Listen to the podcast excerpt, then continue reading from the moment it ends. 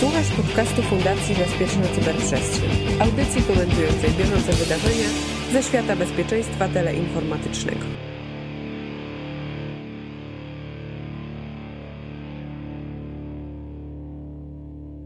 Halo, halo, tu mówi Warszawa w podcaście Cyber Cyber Fundacji Bezpieczna Cyberprzestrzeń. Witamy Was w kolejnym odcinku. Nazywam się Cyprian Gutkowski, ze mną jest jak zawsze mój gość Maciej Pyznar. Witam Cię Maćku. Dzień dobry. Dzisiaj chcemy porozmawiać tak naprawdę o dwóch rzeczach. E, zobaczymy, czy nam czasu starczy, ale myślę, że na pewno, bo są sobą w jakiś sposób powiązane. Ale wracamy też do tematyki ransomware, ze względu na to, że w Stanach Zjednoczonych to coraz mocniej chyba dotyka wszystkich, bo znowu widzimy teraz, chcemy się odnieść do sytuacji, jaka miała miejsce w Luizjanie i tutaj został wprowadzony stan wyjątkowy w związku z tym, że były ataki na trzy dystrykty szkolne. E, gubernator stanu Louisiana wprowadził stan właśnie emergency state, tak? tak, tak to się e, nazywa profesjonalnie. No i tutaj właśnie Maćku, jak ty myślisz, czym to jest spowodowane, że znowu mamy do czynienia z takim atakiem ransomware w Stanach Zjednoczonych? Czy to znaczy, że oni są tak słabo przygotowani, czy jak to wygląda? Wiesz co, no, jednoznacznie ci nie odpowiem, ale rzeczywiście sam nawet New York Times mówi, że, że zaczyna to być epidemią w Stanach Zjednoczonych ataków e, ransomware'owych, zwłaszcza na, na administrację publiczną, co ciekawe. I tak myślę, że trochę oczywiście to spekulacja z mojej strony, e, jakby wprowadzenie tego stanu wyjątkowego z powodu incydentu jest e, jakby pokłosiem czy skutkiem tych poprzednich ataków, które były, które zmusiły de facto dwa miasta w stanie Floryda, czyli Lake City i Rivera Beach do, do zapłacenia e, okupów, które to musiałyby zostać przegłosowane przez, przez lokalne parlamenty mhm. zapłacenia. Oczywiście wyszło na to, że przypadku Lake City to jest 460 tysięcy dolarów, a przy, w przypadku Rivera Beach około 600 e, tysięcy dolarów, no w zależności od, od kursu bitcoina oczywiście, ale e, większość jakby tego okupu została e, zapłacona, a właściwie zrefundowana, można tak powiedzieć, przez, przez ubezpieczenie. Z kasy miasta, przynajmniej tak prasa pisze, Rivera Beach poszło tylko 10 tysięcy dolarów.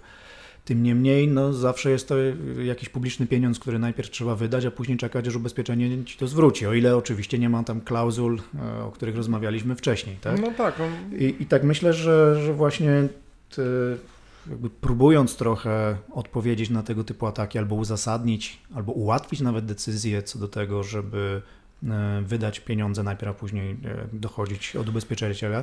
Być może to to spowodowało to, że gubernator stanu wydał takie. Ale chciałem powiedzieć o jednej bardzo ciekawej rzeczy w tym, mhm. e, w tej, w tej deklaracji. Znaczy, nie wiem. Wiesz co, bo może rzeczywiście o tym powiedzieć, tylko ja tylko jedno zdanie, że to nie jest pierwszy przypadek, gdzie w Stanach Zjednoczonych wprowadzono ten stan wyjątkowy w związku z atakiem ransomwarem, ponieważ w 2018 roku również on został wprowadzony w Colorado, kiedy mm, tam został zaatakowany mm, Departament Transportu, z tego co pamiętam, e, i tam również to była infekcja e, jakaś i w związku z tym też już powinni sobie z tego zdawać sprawę jak najbardziej e, Amerykanie, więc myślę, że trochę dziwne jak na Stany Zjednoczone, że mamy taki wysyp tego, ale proszę, bo tutaj chciałeś rzeczywiście jakieś ciekawostkę powiedzieć. Tak, no bo w sumie y, sam akt y, normatywny, czyli to ogłoszenie tego stanu jest, no mieści się na dosłownie dwóch stronach A4. Jest bardzo kiczowate, jeżeli to mamy taką Tak, to bo bardzo łatwo Państwo mogą wygooglować, jak wygląda ten,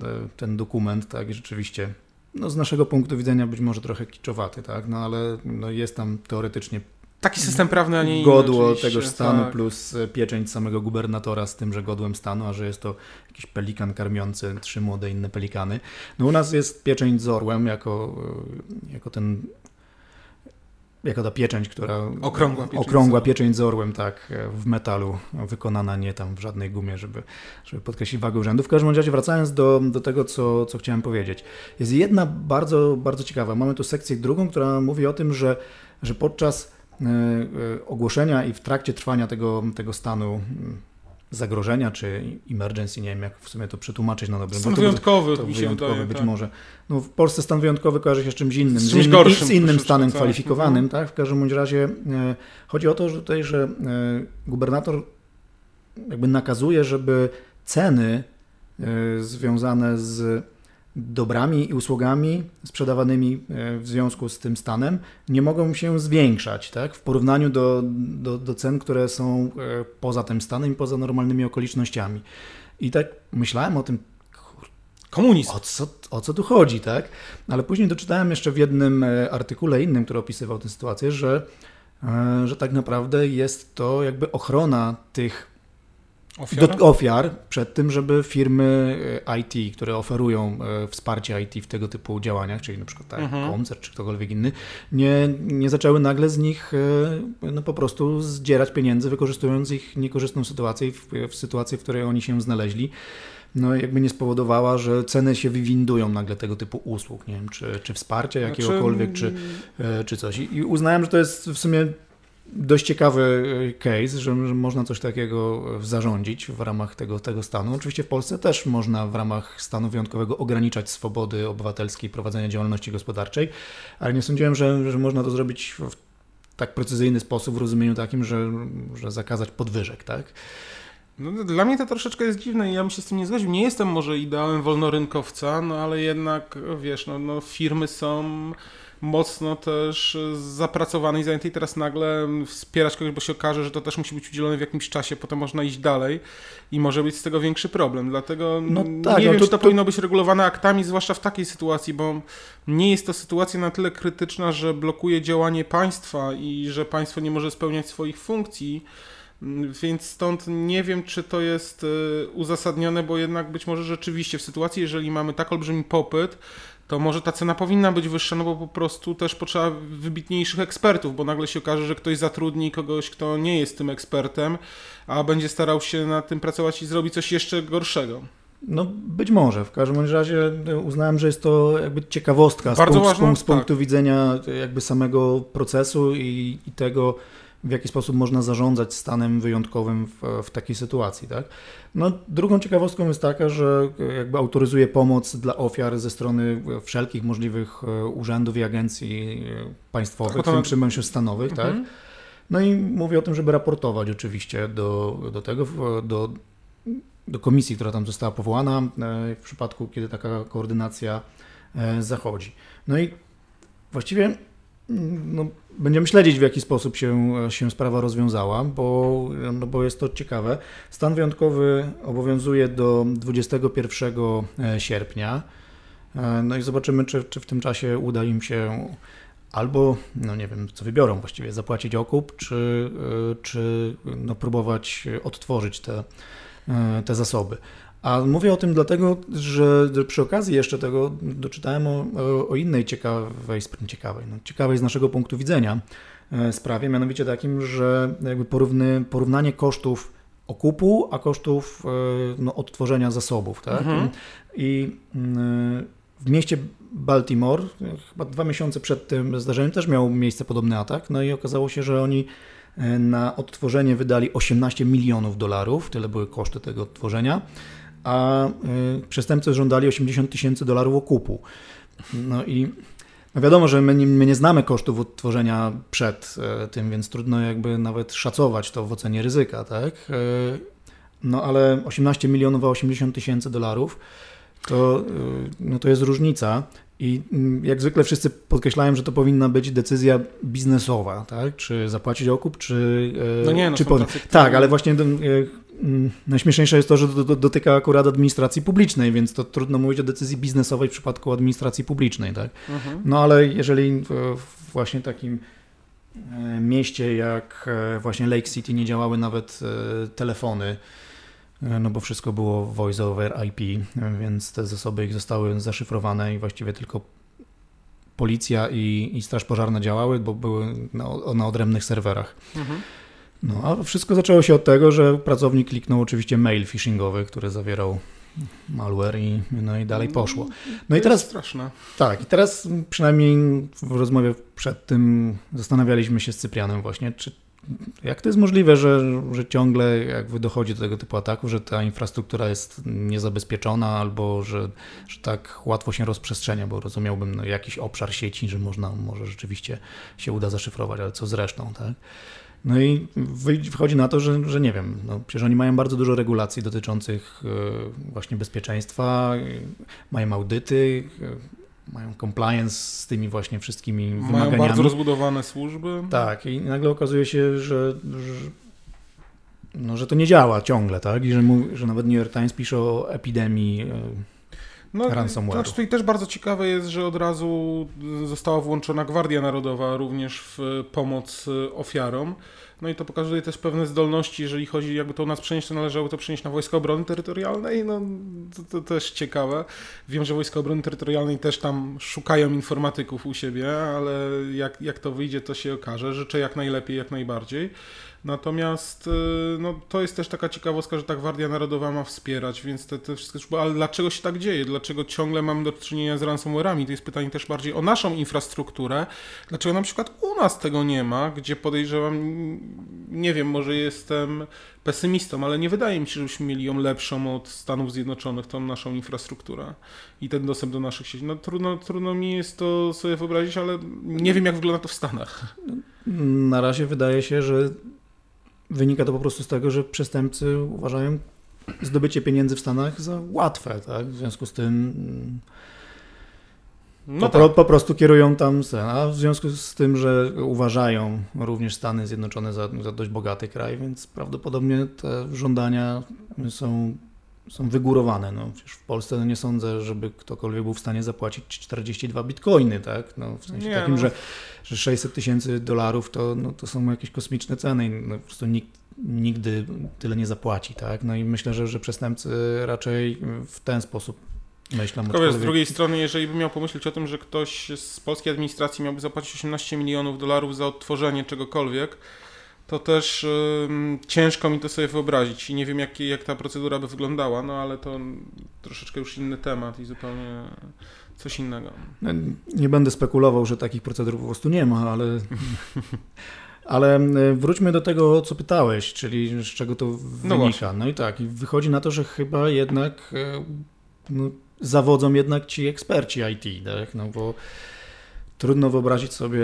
e, To znaczy do samej infekcji rzeczywiście dochodzi w sytuacji, gdzie robi to, to, to pracownik Tak. typowy, phishing, najnormalniejszy, naj, najprostsza droga do tego, żeby doszło do, do tej infekcji.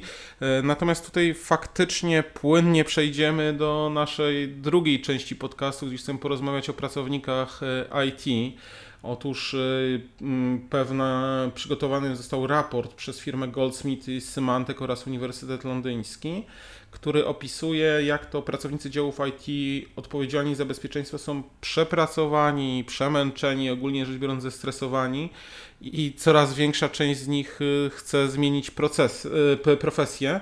I teraz y, wynika z tego, że no co, zostaniemy już w ogóle bez tych specjalistów IT, może dlatego, że taki jest, tak szerokie są te sieci też w Stanach, może nie są w stanie tego po prostu kolokwialnie ogarnąć. Swoją drogą to jest ciekawa rzecz, dlatego że mm, jakby w, w tej branży akurat rzeczywiście jest rynek pracownika, tak? No teoretycznie mm, tych ludzi, którzy i, być może to jest jakby sedno problemu, że tych ludzi, którzy są prawdziwymi specjalistami, czyli no, ogarniają to, jest, jest stosunkowo mało, pomimo tego, że tych, którzy deklarują umiejętności jest, jest znacznie więcej i ich oczekiwania e, finansowe również są, przynajmniej z mojego punktu widzenia, wygórowane. To, to być może rzeczywiście tak jest, że, że ci pracownicy, którzy coś wiedzą, no prawdopodobnie są bardziej wykorzystywani niż ci, którzy e, no jakby... No tak, no i ta liczba ataków cały czas rośnie. No powiedzmy Tak, sobie no to- to- że to to, jest prawda. coraz bardziej rośnie, coraz więcej firm. Przechodzimy też na tą pełną digitalizację, więc nagle, Mhm. jeżeli chodzi nawet o te urzędy właśnie centralne, tak jak w Polsce, no to się okazuje, że ktoś tego musi bronić, ktoś tego musi strzec, więc ci ludzie są jak najbardziej zapracowani i mają ręce pełne roboty. Tak, no i, i coś, o, o czym być może zapominamy, ale większość jakby firm nastawiona jest na e, podwyższenie efektywności. W związku z tym również praca czy administratorów, czy ludzi z działów IT koncentruje się przede wszystkim na podniesieniu efektywności, a bezpieczeństwo nie jest tym aspektem, na który się głównie kładzie nacisk. I, być może jakby to jest e, przyczyną podstawową tego, że, że tak łatwo dochodzi do tych ataków i takich skali. No oczywiście później jak coś się takiego staje, to nagle mówimy, aha, okej, zapomnieliśmy chyba o bezpieczeństwie w tym wszystkim, tyle wtedy, że musimy wydać na to x, e, no, dolarów, złotych, whatever. E, w każdym razie, co ciekawe, z badania wynika, że e, no bo trzeba powiedzieć, że e, na potrzeby tego raportu Goldsmith i Symantec przygotował ankietę, którą wypełniło ponad 3000 szefów działów bezpieczeństwa oraz specjalistów IT wyższego szczebla, jak tutaj czytamy, w Wielkiej Brytanii, w Niemczech oraz we Francji. Tak? Mhm. I co ciekawe, badanie wskazuje, że blisko 2 trzecie z tych wszystkich specjalistów ankietowanych rozważało zmianę pracodawcy. Mhm. Deklaruje to 64% e, respondentów. Zamienić ich miejscami będzie ok. Tak, właśnie. Więc, więc wychodzi na to, że, e, że coś im jednak nie pasuje i pytanie co, tak? E, to znaczy pojawia się też pewien problem, tutaj przerywam Ci, ale rzeczywiście w tych ankietach pojawiło się bardzo istotne, moim zdaniem też stwierdzenie, że osoby będące na tych stanowiskach mają coraz większą odpowiedzialność nałożoną przez regulatora tak? I rzeczywiście, kiedy ciąży nad nami nagle odpowiedzialność karna czy finansowa, y, dużo wyższa za działania tak naprawdę w sieci, która nie była budowana po to, żeby być bezpieczna, bo nie oszukujmy się, właśnie nie zaczynaliśmy od tego, że pierwszą tą rzeczą było bezpieczeństwo, tylko z reguły patrzyliśmy na funkcjonalność i tak. To, to tak szło. To w związku z tym, no, nie każdemu to się uśmiecha i można być zestresowanym widząc miliony złotych kary czy dolarów, no już no, obojętne.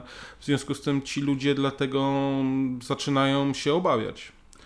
No być może tak, ale skoro rozważają tylko zmianę pracodawcy, to oznacza, że e, być może zmienią tylko regulatora i ustawę, pod którą będą podpadać.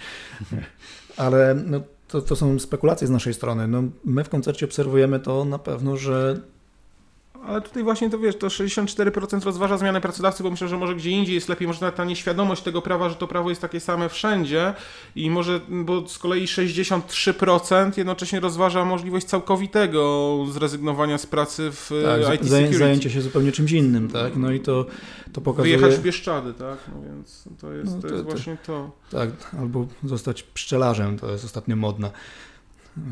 Tak. tak, ale to jest dygresja zupełna.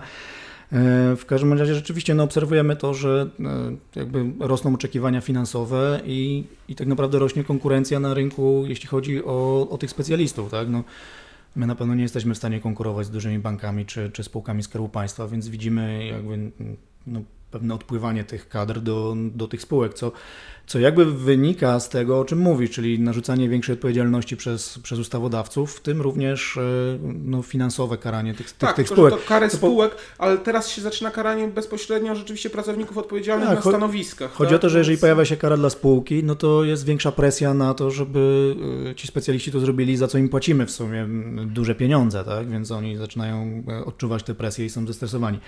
No, chyba nie da się mieć takiej pracy, w której nie jest się zestresowanym, tak? No nawet ten pszczelarz, o którym mówiłem, też musi chyba w stresie żyć czasami, że nie wiem, susza jest, zachorowały mu pszczoły lub cokolwiek innego, tak? Każda praca, myślę, każda praca jest, ze stresem. jest stresująca. Bardzo ciekawe jest, że tutaj rzeczywiście nie ma mowy o zarobkach, że zarabiamy słabo, tak? W tak. ogóle to ich nie interesuje, rzeczywiście te pieniądze są dobre, ale jest to na tyle odpowiedzialne, że z tego rezygnują. Znaczy myślę, że no to wynika jakby z całego mm, jakby otoczenia. Tak? Mamy coraz większą digitalizację, o czym wspomniałaś, a tym samym coraz więcej tych ataków. W związku z tym no my to też widzimy, że, że liczba potencjalnych kontraktów, które moglibyśmy, moglibyśmy zrealizować jest coraz większa i właściwie my sami już nie, no nie, no nie, nie, nie, nie nadążamy z, z pracą co oznacza, że, y, że, że, zaczynamy się stresować z tymi kontraktami, które już teraz realizujemy, no bo i presja czasu jest większa i, i, i tym bardziej, że też są to nowe rozwiązania tak, tak naprawdę dokładnie. w ustawodawstwie i nie do końca też każdy wie, jak dokładnie je zrealizować zgodnie z założeniem ustawodawcy. Może nawet czasami sam ustawodawca nie wie, o co mu chodziło. Więc być może pojawiają się pewne, pewne problemy interpretacyjne i nagle człowiek się czuje, staje jeszcze bardziej zestresowany. Tak, myślę, że to przede wszystkim presja czasu decyduje o tym, dlatego że w przypadku Polski ustawodawca narzucił ambitne to, to będzie eufemizm powiedzieć e, terminy na, na niektóre rzeczy i no jakby te założenia mhm. są przenoszone na, na umowy e, z podmiotami trzecimi, co, co jakby powoduje, że, e, że chcąc to zrealizować, no, no żyjemy w permanentnym stresie. Tak?